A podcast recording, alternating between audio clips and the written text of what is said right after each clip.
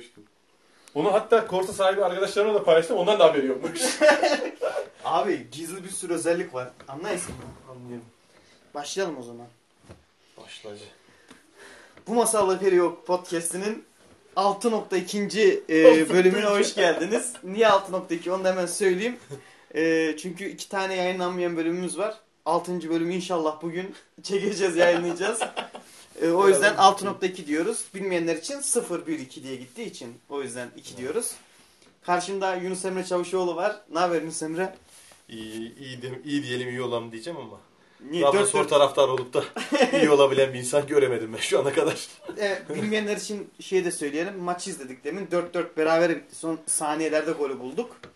O yüzden biraz gerginiz açıkçası. Bizi beraberliğe sevindirenler utansın. diye. Aynen öyle. Kaldığımız hallere bak ya. Aynen öyle Ee, ya. Yunus Emre bir yazılım geliştirici. Ee, Yunus Emre ile muhabbet edeceğiz bu podcast'te. İnşallah güzel olur. Geçen Yunus Emre ile muhabbet etmiştik yine. Özel sebeplerden dolayı yayınlayamadık. Ondan önce de Emir Sözen'le e, bir podcast çektik. Onu da aynı şekilde özel sebeplerden dolayı yayınlayamadık. Tekrar Yunus Emre ile beraberiz. İnşallah güzel bir podcast İnşallah bunu çekmeyi umuyoruz. Aynen. İnşallah en azından yayınlayalım yani. ee, Yunus Emre kendinden biraz bahsederek e, girelim muhabbete. Devamı gelir diye Girelim. tahmin Ee, ediyoruz zaten. İsim Yunus Emre Çavuşoğlu. Ee, e, liseyi Trabzon, liseye kadar Trabzon'da yaşadım. Hı hı. Ee, liseden sonra Trabzon'u terk etmek zorunda kaldım. Ee, Erciyes Üniversitesi Bilgisayar Mühendisliği mezunuyum. 2007 mezunuyum. Yaklaşık 7 senedir de bilişim sektörünün içindeyim. Evet. Çalışıyorsun. Evet, şu an e, özel bir firmada çalışıyorum. E, kurumsal bir Hı hı. Ankara'dasın. Ankara'dayım, evet. Tekno e, Ve ODTÜ Teknokent'te e, Firma. firma, evet. hı hı, Ee, daha çok e, ASP.NET, C Sharp, hı hı. hani Visual Studio, şey Visual Studio, Microsoft Teknolojileri kullanıyorsunuz. Kullanıyorum, evet. E, ondan önceki iş yerinde aslında sen ilginç işler yapıyordun. İşte görüntü işlemeyle ilgili bu bankacılık e, sektöründe kullanılan işte tarama, Tarama yazılımları, Hı hı. evet. Daha Onlardan da biraz bahsedersen. Ee, Çünkü bunu niye söylüyorum biliyor musun? Bizim e, Karadeniz Teknik Üniversitesi'nde bir şeye katılmıştım ben mezunlar gecesine. Orada sürekli öğrencilere görüntü işlemeyle ilgili işler yaptırıyorlarmış, projeler veriyorlarmış. İsyan etmiş artık kuşaklar. Yani nedir?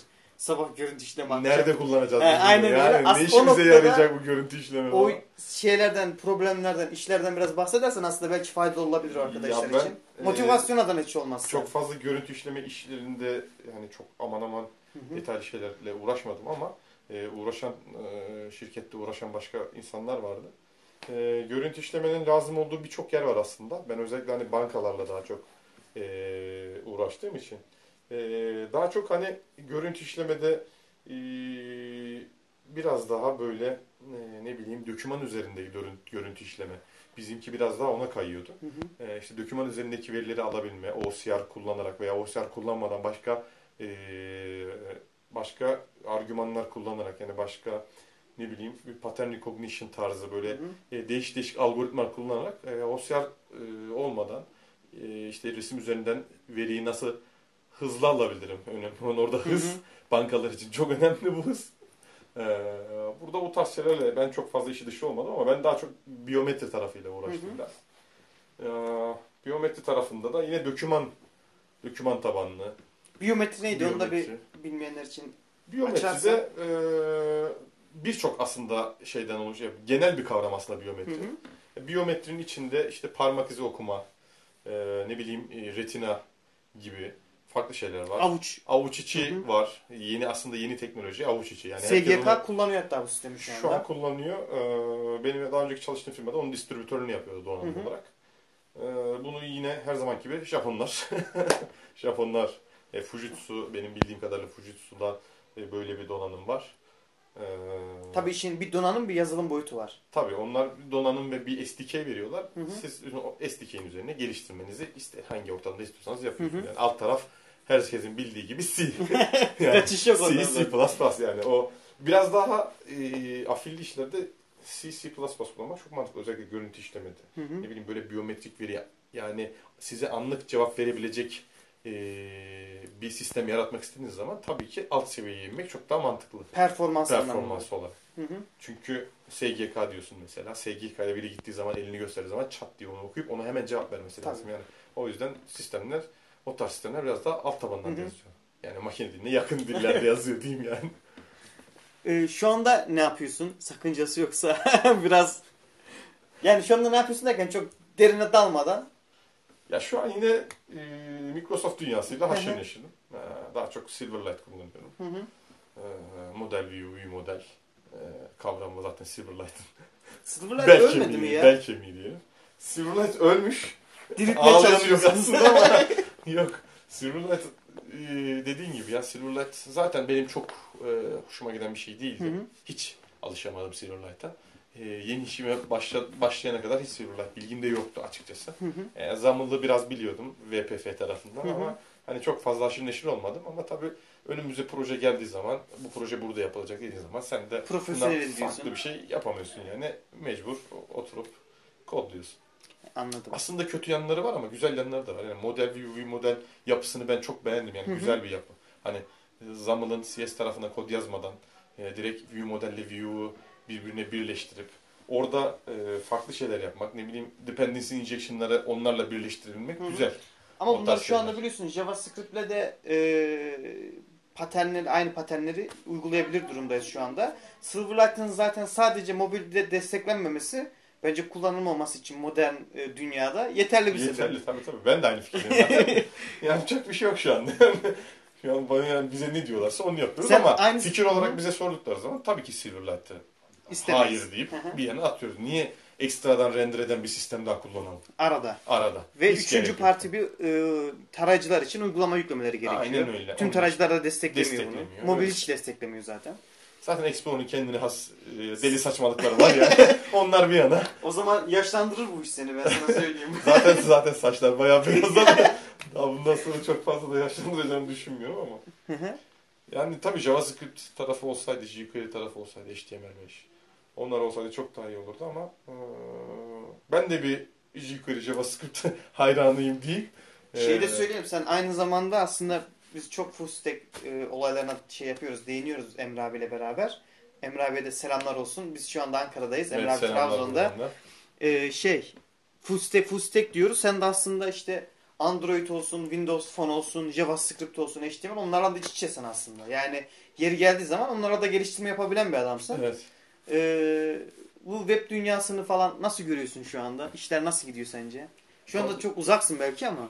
Ya işler biraz daha saf HTML, JavaScript, e, jQuery o tarafa doğru kayıyor genel olarak. Yani onlar daha çok geliştikçe işte ne bileyim server tarafında yapabildiğin dependency injection'lar, e, ne bileyim e, class oluşturmalar, e, nasıl diyeyim object oriented yapılar bu tarz şeylere daha çok girdikçe yazması daha kolaylaştıkça diyeyim daha da yaygınlaşıyor yani. Hı hı. O yüzden daha çok o tarafa doğru kayıyor. Yani işte mobil de zaten e, bir yanda geliş, gelişiyor. İstersen hani HTML kullanarak, JavaScript kullanarak mobilde. Uygulama geliştirebiliyorsun. Hibrit, hibrit, hibrit uygulamalar diyorlar onlara işte.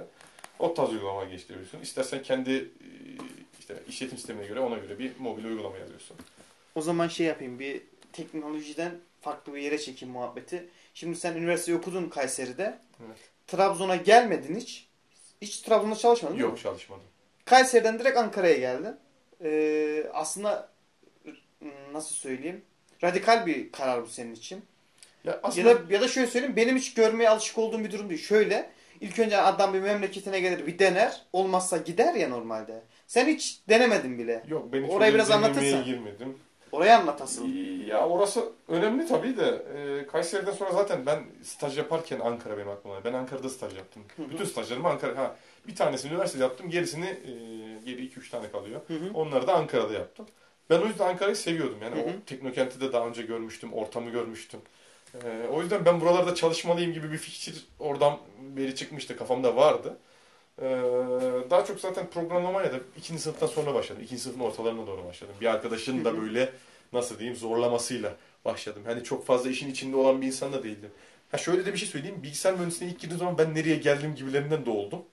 Hani ben acaba yanlış mı yaptım dedim. Yoksa ben bu işi kıvırabilecek miyim dedim ama ikinci sınıftan sonra işte web siteleri falan filan geliştirmekten sonra geliştirmeye başladıktan sonra fikirler tamamen değişti. Bak hani bir şeyleri yapabildiğini gördüğün zaman e, biraz da e, nasıl yapacağını anlayabildiğin zaman Zevk almaya e, başladığın zevk almaya zaman. başladığı zaman işler değişti. O değiştikten sonra işte okul bitti. Okul bittikten sonra Kayseri Teknopark'ta bir sene çalıştım. Ee, burada biraz özel bir durum var tabii. Çalışma sebebim aslında şirket değildi. bir kız arkadaşım vardı ondan yani. Ya zaten bir sebep olacak da. Tabii o öyle bir sebep vardı işte. Ben de biraz duygusal bir adamım. o yüzden böyle bir şey vardı. Ya demek ki öyle olması gerekiyormuş. Öyle bir sene de Kayseri'de geçirdim. Okuldan sonra mı geçirdin? Okuldan sonra bir sene. He kaldın yani. Ben okuldan Yo, okuldan çıkınca sonra bir Ankara'ya geçirdim. sanıyordum. Okuldan sonra bir sene geçirdim hemen hemen. Tabii o bir sene sonunda ben iş baş iş bakmaya başladım Ankara'da. Ee, sonra e, İnşaat Mühendisleri Odası bilgi işlemde Hı başladım. hı. Ee, orada da çok sevdiğim bir insan vardı. Ee, hala da e, iletişimi, Hı hı. görüşemesek de iletişimimi koparmadığım bir insan. Kendisine çok şey öğrendiğim Hı hı. bir insan, öyle söyleyeyim.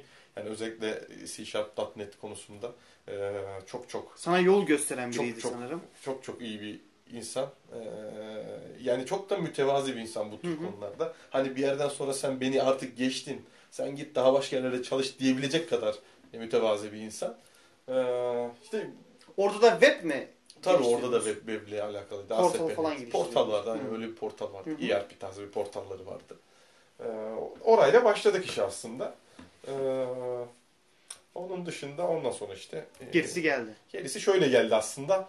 Ee, ben bu ondan sonra başvurduğum firmanın bir sınavı vardı. Sınava gittim. Ee, baktım kodlamayı kağıda istiyorlar. Şimdi buradan dinleyen arkadaşlar düşünün. Yani kodlamayı okulda da yaptılar. Kağıda istedikleri zaman ben zaten sinirleniyordum direkt olarak. Muhtemelen herkes sinirleniyordur öyle bir şey olduğu zaman. Tabii ben hayal bile edemiyorum öyle bir şey. Hiçbir kodlamayı, kodlama sorusunu yazmadım. Boş bıraktım. Onun dışındaki böyle hani ne, nasıl diyeyim ASP.NET ile ilgili sorular, işte C Sharp ile ilgili sorular olduğu zaman onları böyle birkaç cümleyle yazdım. Ee, zaten değerlendiren insanlar da bunun böyle olduğunu o benim yazma şeklinden anlamışlar. Hı hı. Hani özellikle kodlamayı yazmadın. ee, ne bileyim işte Diğer diğer soruları soruları, cevapladın. cevapladın. Hı hı. Biz senin onu şey yaptığını anladık falan diye böyle işe girdim yani. Aslında hiç işe girmeyi beklemiyordum. Yani zaten hani hiç beklentiye girmediğim zaman olur ya. mu tuttun? Aynen öyle. Boşalttım bir baktım dolu geldi. öyle de bir başlangıç oldu. O da ilginçmiş lan. Çok ilginç oldu. Yani ben zaten şey olur. Hiç beklemediğim bir zaman beklemediğim bir yerden gelir ya. Aynı öyle. Hiç. Hı hı. Ben dedim ki ya nasıl olsa almayacaklar beni diye düşündüm. Ama bir baktım çağırdılar.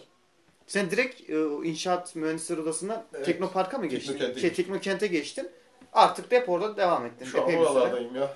Orada hayat nasıl onu da sorayım sana Teknokent'te. Orada Onu sormayayım sana da şey sorayım. O zaman o dediklerinden şey anlıyorum ben. O staj hani e, çoğu insan staja şey gözüyle bakıyor ya. Gidelim hani staj defterini dolduralım da. Sırf o gereklilik yerine Ya, gelsin ben diye. hiç öyle bakmadım. Ya ben hani Yani kendime... stajın önemi var mı? var tabii ki. var. Anlattıklarından çok Ya önemli şöyle hem tanıdığın insanlar oluyor, çevren oluyor bir kere hı. yani. Ee, Büyük firmalarda eğer staj yapabiliyorsan, öyle bir Hı hı. şansın varsa, hani he- hem referans oluyor sana gerçekten iyi iletişim kurarsan. Ben halı sahaya bile gittim yani staj zamanı hı. şeylerle, çalışanlarla. Yani o tarz e, şeyler önemli bana sorarsan çok önemli. Çünkü yarın öbür gün ister istemez referans olayı oluyor Hı hı. şirketlerde.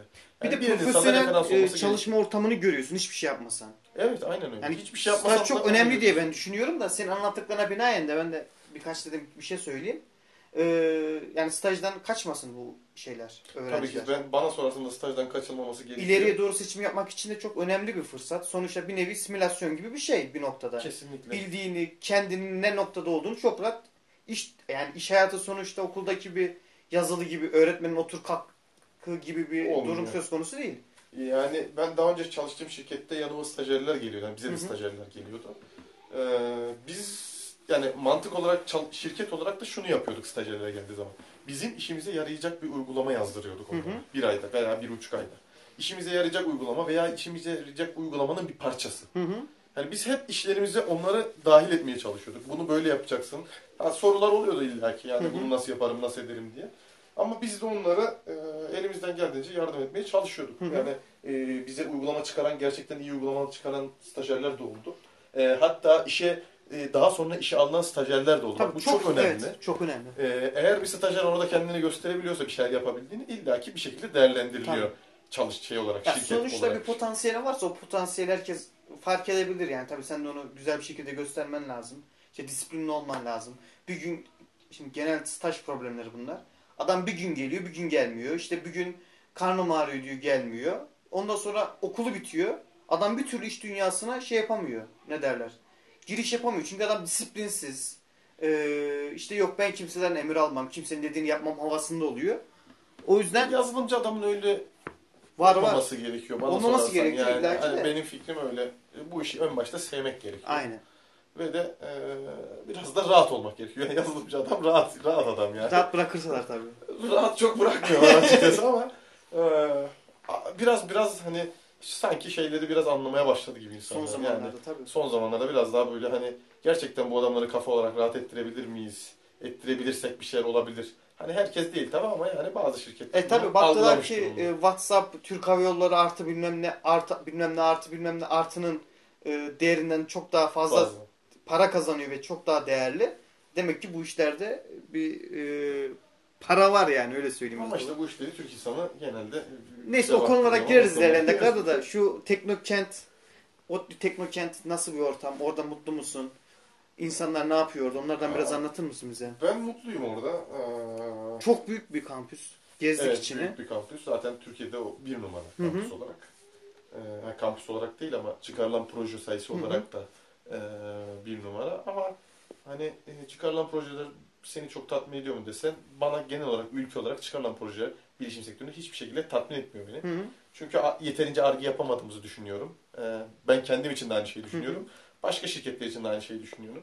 Yeterince arge olmadığını, e, sürekli yabancı yazılımlardan bir şeylerden esinlenildiğini, özgün şeylerin olmadığını düşünüyorum.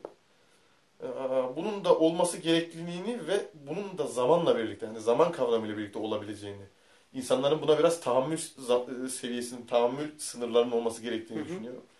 Çünkü bu kısa bir süreç değil. Ee, Bu yazılım sektörü çok kısa sürede olacak bir iş değil aslında. Ee, Yazılım e, Çıkartmak. çıkartmak. Bunun e, belki de senelere yayılması, hani birkaç seneye yayılması gerektiğini düşünüyorum.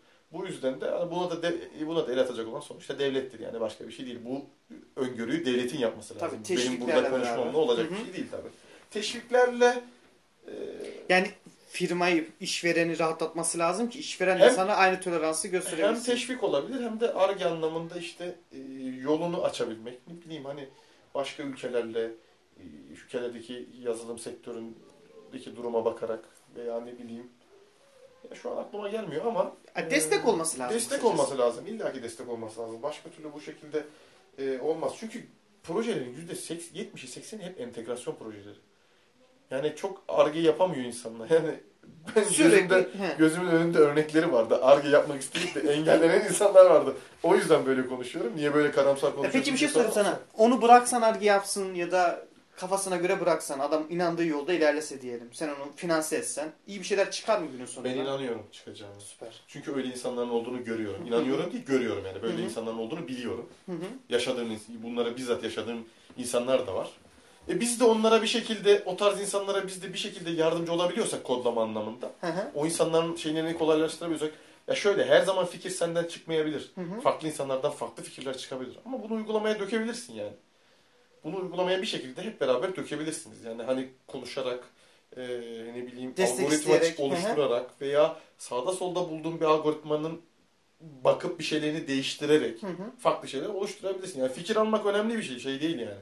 Kopyalamak değil bu aslında. Fikir almak bu sadece. Yani bu işi nasıl yapabilirim? Ben buna ne ekleyebilirim? Ne düşünebilirim ek olarak? Hı hı. O tarz şeyler de olabilir aslında. Böyle yani. Ee, şeyi anlatayım. Tanışma hikayemizi anlatayım da. anlat anlat. Yunus Emre aslında benim bizim akrabamızmış. Ben tabii Yunus Emre'yi tanımıyorum. Hiç adımla geçmiyordu hacım yani. O da çok enteresan. Geçmedi doğru. Ya da geçiyordur. Ben duymuyordum. Yok çok geçmemiş olabilir yani. Ee, bir akrabada e, yemek yiyorduk işte bir akşam hep beraber oraya gittik. Yunus Emre de oradaydı. Kaç sene oldu? 7 sene olmuştur. 7 sene olmuş olabilir. Ben o zaman Şey var mı? Defne var mıydı o zaman? bitiyordu. Yoktu Defne. Tamam 7 sene rahat Defne olmuştur. yoktu. Ee, işte hiç o gün de hiç konuşmadık şeyde masanın Evet, etrafında muhabbet yedik. Muhabbet Trabzonspor zaman Muhabbet gibi. belli. Kadir Trabzon muhabbeti Hasan. Trabzonspor'un yani. Trabzon aşağı Trabzon yukarı tabii ben Yunus Emre'nin ne iş yaptığını bilmiyorum. E, sadece işte teyzemin eşinin Neyse bir akrabamız olduğunu biliyorum. İşte Yunus Emre gideceği yere kadar bırakmam gerekiyordu onu. Yolumuzun üstündeydi. Arabada işte sen ne iş yapıyorsun, ne iş yapıyorsun, o bu derken işte C Sharp, Object Oriented falan filan. Lan adam bildiğim meslektaşımız çıktı. O gün Aynen. o gün bile değil lan 3-5 dakikalık muhabbet aslında 3-5 arabanın dakika içinde. muhabbetle şey yaptık. Tanıştık, Tanıştık, diyelim. evet. Ondan sonra şey zaten Google Talk üzerinden epey bir muhabbet ettik. Hatta ufak tefek proje Yıllar girişimlerimiz boyu bile oldu. proje girişimleri oldu. Yıllar boyu da bilgi alışveriş yaptık. O G-Talk bize çalıştı yıllar Tamam, boyu. G-Talk çok iyi ya. G-Talk yıllar boyu Aynen. sana bana çalıştık. Orada çok kod paylaştık. Çok fazla. Çok paylaştık, İşte e, Yunus Emre'den ilk Object Oriented diye bir şeyin varlığını öğrendim. O yüzden Yunus Emre'nin de yeri benim e, gözümde çok farklı. E, ondan sonra zaten bir halı saha girişimimiz oldu. Halı saha projesi. Çok Aslında da fena da yapmamıştık fena da değil. ama. Şimdi yaptılar onu biliyorsun. yapmışlar. İş işten geçti biraz. İşte sosyal sosyal ağ şeklinde bir halı saha organizasyon yazılımı. Aynı zamanda işte ticari halı saha işletmeleriyle entegrasyonu falan filan. Epey de bir yapmıştık onu. Ondan sonra yattı Biz neyse. işin pazarlama tarafını yapamadığımız için. Aynen öyle. Ama sonuçta ortaklaşa bir şeyler Tabii, tabii, girişimde tabii, bulunduk tabii. en azından Tabii. kıyısından ucunda. Böyle ilginç bir hikayemiz var Yunus Emre ile beraber. İşte Ankara'ya gelince dedim Yunus Emre'yle bir muhabbet edelim. insanlarla paylaşalım muhabbeti.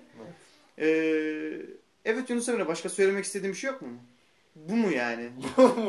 Bu mudur? yani bu işe başlamış arkadaşlara tavsiye olabilir. Yani He, bu tamam. işe başlayacak Tavsiyelerini alabiliriz. Ya, ya dediğim gibi önce benim fik, şahsi fikrim yani bu işi sevmek gerekiyor. Bu işi yaptığını, yaptığının sonucunu gördükten sonra zevk aldığını görmen gerekiyor. Başka türlü bu iş yürümüyor. Kendini tatmin ediyor olman lazım. Tabii tabii Egonu- oradan bir keyif alman lazım. Hı hı. Yani bu insanlar bunu hani bunu kim kullanacak? Bunu kullan başkaları kullanacak. Onda bir haz duyuyor musun? hı. O tarz şeyler olduğu zaman insan çok mutlu oluyor. Ben şahsen mutlu oluyorum yani. Ben sana bana gelen bir soru yönelteyim. Motivasyonu nasıl sağlıyorsun yazılım geliştirirken? Ya benim default'umda var o şimdi. Biraz daha şimdi güzel. benim default'umda böyle bir güleç bir surat var. Tamam. Hani projenin durumu kötü bile Ama olsa demin hiç gülmüyordun maç izlerken. maç izlerken farklı oluyor. Orada biraz orada biraz Trabzonspor olduğu için ucunda genelde sinirleniyorum. Biraz ağzımızdan kötü küfürler falan tamam. çıkıyor yani. O zaman hemen geriye dönelim. Motivasyonu anlat bize. Yani ben kendi motivasyonum biraz da kendim oluşuyorum. Ben zaten yaptığım işi seviyorum. Yani Hı hı. hani e, Windows ortamıyla Şöyle ben sana Türkçesini sorayım da ben anlıyorum üç aşağı beş yukarı. İn- bu işe başlayacakları, başlama isteği duyanları. Adamın alt metninde şu yazıyor aslında. Ee, aldığın para mı seni motive ediyor? Yani ay sonunda şunu düşünerek mi kod yazıyorsun? Ay sonunda şu kadar maaşım gelecek anasını satayım az daha az daha mı? şimdi şöyle Yoksa yaptığın alet günün sonunda bir işe yarayacak ya da yazdığın kod hoşuna gidecek, seni tatmin edecek mi? bu aslında bizim normalde e, şimdi kafa olarak rahat demek aslında buna geliyor. Hı hı. E, şey Geçim derdi yok bizim dışımızdaki ülke dışı yani Hı hı. yabancı ülkelerde bunu senin ikinci dediğin gibi yapıyorlar. Hı hı. Yani para hiç kimsenin gözünde umurunda olmuyor. Ama burada da durumları iyi olan insanlar tabii. Hı hı. Ee, öyle olunca da güzel işler çıkıyor diye düşünüyorum. Ama e, diğer taraftan da baktığın zaman hani biz Türk insanları olarak ben de kendimi o konunun içine dahil ediyorum. Maddi olarak e, kazan çok önemli diye Hı düşünüyorum. hı. E, ve de bu ülke olarak diğer ülkelerin gerisindeyiz diye düşünüyorum bu konuda. Hani Hı hı. yazılım sektöründeki o bizim e, yazılım sektöründeki insanlar olarak, bilişim sektöründeki insanlar Hı olarak e, bana sorarsan daha düşük maaşlara çalışıyoruz. Yani yaşam kaliteleri belki daha iyidir orada. Hani daha e, ama işte ne bileyim kiralar falan belki daha fazladır. Oraya göre dengelidir ama yani e, bizde hani 7-8 yıllık bir yazılımcı olduğun zaman aldığın parayla orada 7-8 yıllık oralarda 7-8 yıllık bir yazılımcı olduğun zaman aldığın paralar arasında biraz uçurum oluyor diye düşünüyorum. E, çünkü birkaç tane örnek biliyorum. Hı hı. E, daha önce yazılım sektöründe yurt dışında çalışmış arkadaşlarım vardı. Onlardan aldığım feedbacklere göre böyle bir e, fikre vardım. Hı hı. Ee, onun dışında bana sorduğu zaman maddiyat benim için önemli. Birinci planda mı? Motivasyon birinci planda açısından. mı? Motivasyon açısından bence birinci planda. Niye birinci Hı hı. planda? Ee, şimdi şöyle bir şey düşündüğün zaman bir şirket bir e, yazılımcıyı işe kattığı zaman yazılımcının aslında kafasını rahatlatmak durumunda. Hı hı. Kafası rahatlamasından, kafa rahatlamasından Kasıt. kastım şu işte yemeğiydi, yoluydu. Bu tarz şeylerin yazılımcının kafasına takılmaması lazım. Hı hı. Ee, benim başka arkadaşım vardı. Bu tarz bu tarz şeyleri takabilen çok insan var. Doğru. Hani Oğlum bekar adamsın sen neyi takıyorsun kafana? ben takmıyorum zaten de. ama olsun yine de onlar bir artıdır sonuçta. Şöyle, Para iyidir yani. Para, paradan do- paradan kasıt değil de ne bileyim bir insanı mutlu edebilecek şeyleri düşünebilmek. Ya şu mu yani? İşte gördüğüm bir yeme cebimde param olsun yiyebileyim. Gördüğüm bir ayakkabıyı alabileyim Aynen anlamında mı? O onu onu yabancı şirketler yapıyor. Hı hı. Yabancı şirketler düşünürken insanın her türlü sosyal olanağını da Hı düşünüyor hı. yaparken. Giyim yardımı olur, başka türlü yardımlar olur. Her türlü yardımları yabancı şirketler verebiliyor. Şu anda Ama sen bizde bu tarz şeyler yok. e, senin çalıştığın şirket yapıyor mu bu yardımları? Benim yanlış çalıştığım şirkette var böyle yani. o yüzden böyle konuşuyorsun. Böyle konuşuyorum ama ben şimdi şöyle. Şöyle bir şey de var. Hı hı. Onlar bana bu tarz olanakları sağladıktan sonra ben onlara bir aidiyet hissediyorum. Hı hı. Ben hafta sonu gidip çalıştığım zaman da gocunmuyorum. Hı hı. Cumartesi, pazar gittiğim zaman gocunmuyorum Hı hı. çalışırken. Benim evli arkadaşlarım var. Onlar da gocunmuyor çok fazla böyle olduğu zaman. O aslında önce firma seni sahiplenecek sonra sen onu sahipleneceksin. Bu Karşılıklı böyle. diyorsun. Karşılıklı ama önce onun bana sorarsan firmadan gelmesi lazım. Hı. Benim şahsi fikrim bu. Firmanın önce bunu düşünmesi lazım. E sonra da tabii firmanın onu artık yazılımcıdan bir şeyler beklemesi lazım. Hı hı. Ee, bunun bizim ülkede biraz daha ters sürüyor. Önce Hı. yazılımcıdan her şey bekleniyor. Sonra e, Karşı taraftan. karşılığı o da ne zaman artık alırım diye düşünüyorsun. Hı hı. Artık ne zaman olursa yani böyle sıkıntılar Bir de Var diye stabil biliyorum olur ben. mu? Bir ay biliyorsun şey. şey, stabil olmuyor hiçbir zaman. Hı hı. Ya kurumsallık çok farklı bir şey. Bizim ülkede ben kurumsallık olduğunu düşünmüyorum zaten hiçbir Hele şey. bizim işler değil mi? E, tabii yani çok büyük firmalarda da öyle diye düşünüyorum. Yani Hı hı. Ben çok kurumsallık olduğunu düşünmüyorum açıkçası. Yani motivasyonunu o zaman özetle ilk olarak Maddiyat önemli maddiyat, ikincisi de şey, işine duyduğun saygı diyelim. Kendini tatmin etmen falan filan. Ya maddiyat aslında ilk planda değil. Tecrübeli olduktan sonra Hı hı. maddiyat belki işin içine giriyor. Tecrübeden önce hani ilk başladığın zaman maddiyatın hiçbir önemi yok. Hı hı. Ben çok açık konuşacağım burada. Konuş. Ee, ben 750 lira maaşla başladım bu işe. Ya çok komik bir rakam olacak ama. ben 250 gerçekten liradan başladım. Ben ben, ben 750 lira maaşla başladım bu işe. Hı hı. Yani. Siz uyuyorsunuz. Dakika 19. Başakşehir 2 Galatasaray 0. bunu da kayıtlara geçsin bu da. Bu iyi oldu ama. Galatasaraylılara buradan selam gönderiyoruz o zaman. Evet. Yani biz çektik siz de çekin. Çok ilginç oldu evet. İlginç oldu. Maddiyat aslında o ilk başladığın zamanlarda hiçbir önemi yok. İlk başladığın zamanlarda kendini nasıl geliştiririm, Hı hı. ben nasıl eee, bir şeyler öğrenip biraz daha üst seviyelere çıkabilirimi düşünmek gerekiyor benim şahsi fikrim. Hı hı. Ben böyle yaptım. Eee sonraları hani bir, birkaç sene geçtikten sonra artık tecrübe olduktan sonra bir şeyleri bir şeyleri çok daha net kavrayabildikten sonra biri bir şey bir sorun geldiği zaman bunun çözümünü çok rahat kafamda bulabileceğim, hemen çat diye cevap Hı hı. verebileceğim bir şey olduktan sonra artık tecrübe arttıktan sonra tabii yavaş yavaş maddiyat fikri de insanda oluşmaya başlıyor. Ben daha iyi maaşlara çalışmalıyım gibi bir fikir de oluşuyor. E, Bunun sonunda maddiyat da bir şekilde geliyor. Ama şöyle e, zaten bir şekilde kendini geliştirdiğin zaman maddiyat ister istemez yukarı doğru çıkıyor yani. Hani belki yavaş, belki hızlı. Tabii o sana kalmış sonuç. Senin performansıyla Tabii o insanın performansıyla alakalı bağlı bir şey. Ee, konuyu yine değiştireyim. Değiştir. Şey konuşuyorduk ya ya. Çok garibime gidiyor da. Ee, dedik ya ki futbolcular dünyanın parasını kazanıyor da. Herif astronot olmuş. Çok ona göre çok daha az para kazanıyor. Bu, tip mesela sanatçılar. Bana sorarsan çok dengesiz bir dağılım var. Yani o nasıl Ee, oluyor iş? Ama sadece Türkiye'de değil, dünyada da böyle dengesiz bir Tam dünyada zaten. Ama ben şunu da düşündüm. Ee, Ben bir yazılım şirketinde çalışıyorum. Diyelim 3 bin veya 5 bin lira para alıyorum. Benim aldığım paraya göre bir madencinin madene indiği zaman aldığı Tabii paranın yok. benim aldığım paranın iki katı olması lazım diye Doğru. düşünüyorum. Hı hı. Şahsi fikrim Hı budur. hı. Ama e, futbolcuların da tabii ki bu ülkede doğru düzgün vergi bile vermiyorlar.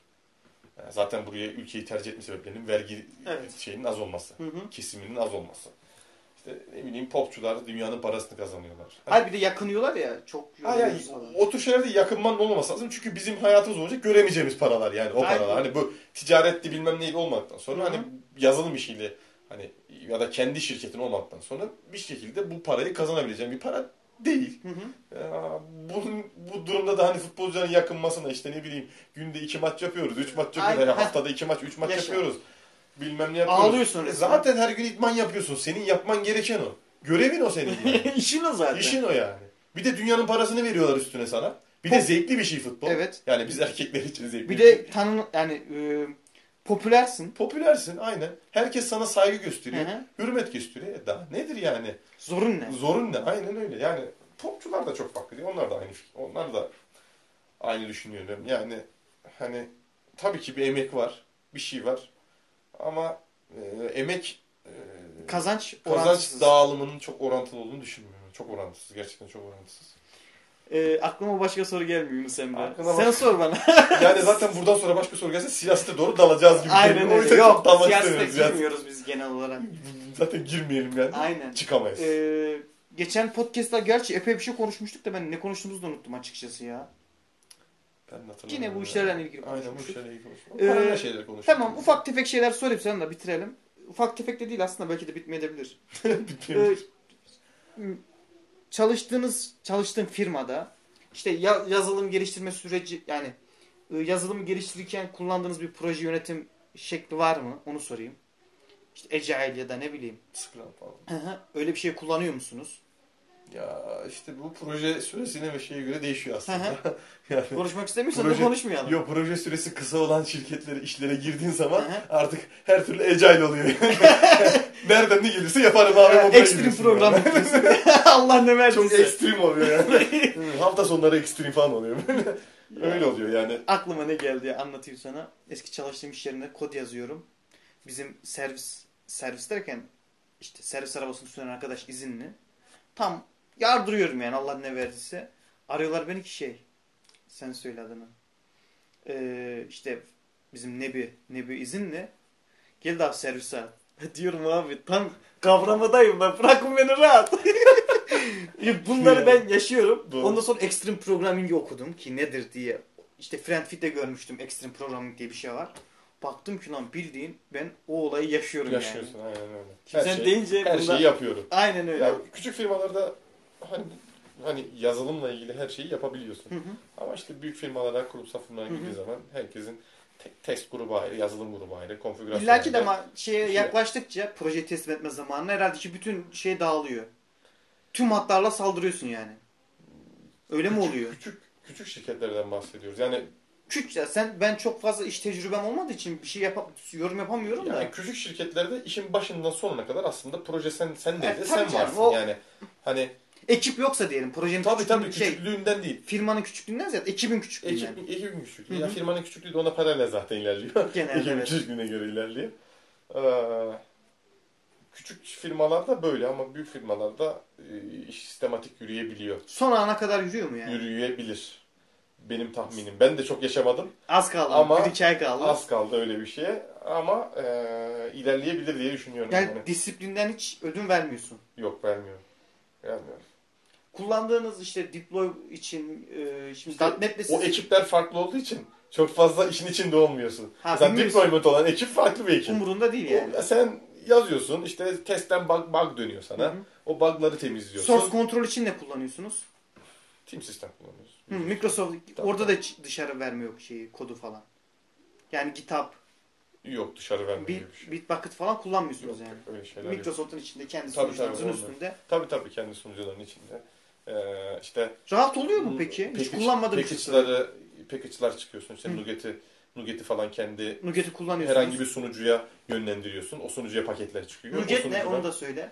Bilmeyenler için. İşte bu package manager'lar yani Hı hı. farklı şöyle diyeyim bu ne işe yarayabilir?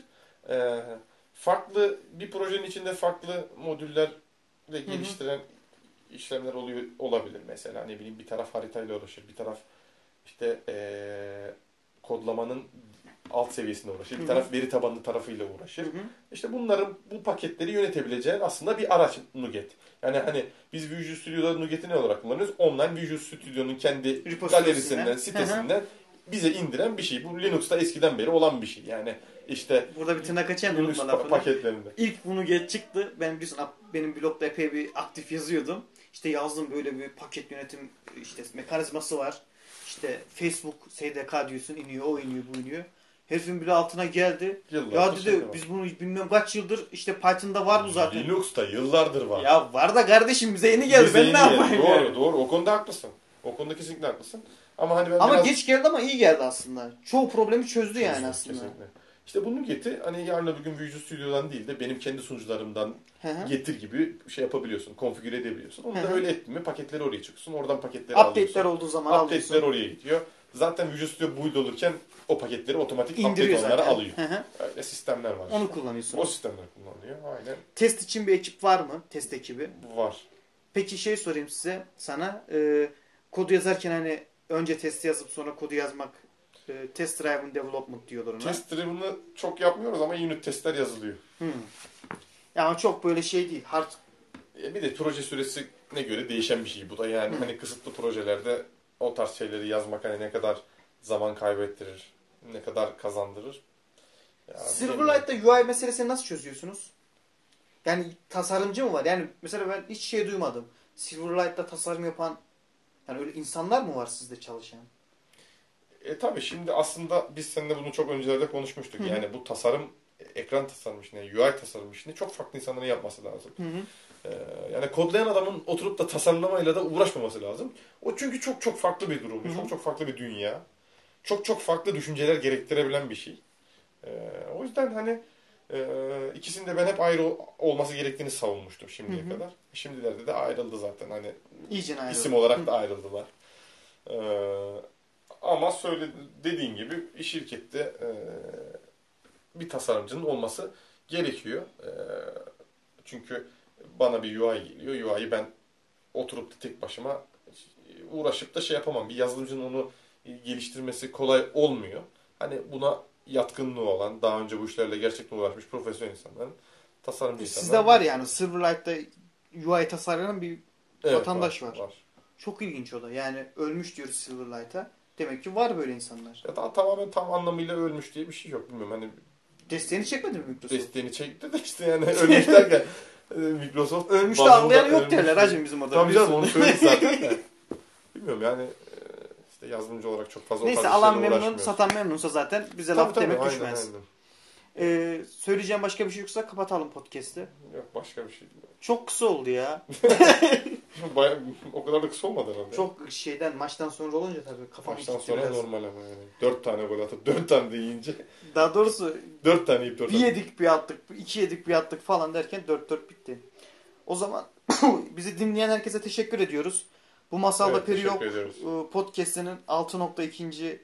bölümünün sonuna geldik. Ben Abdullah Uğraşkan. Ben de Yunus Emre Çavuşoğlu. Dinlediğiniz için teşekkür ederiz. Evet, 36 dakika olmuş. Tamam olacak olur.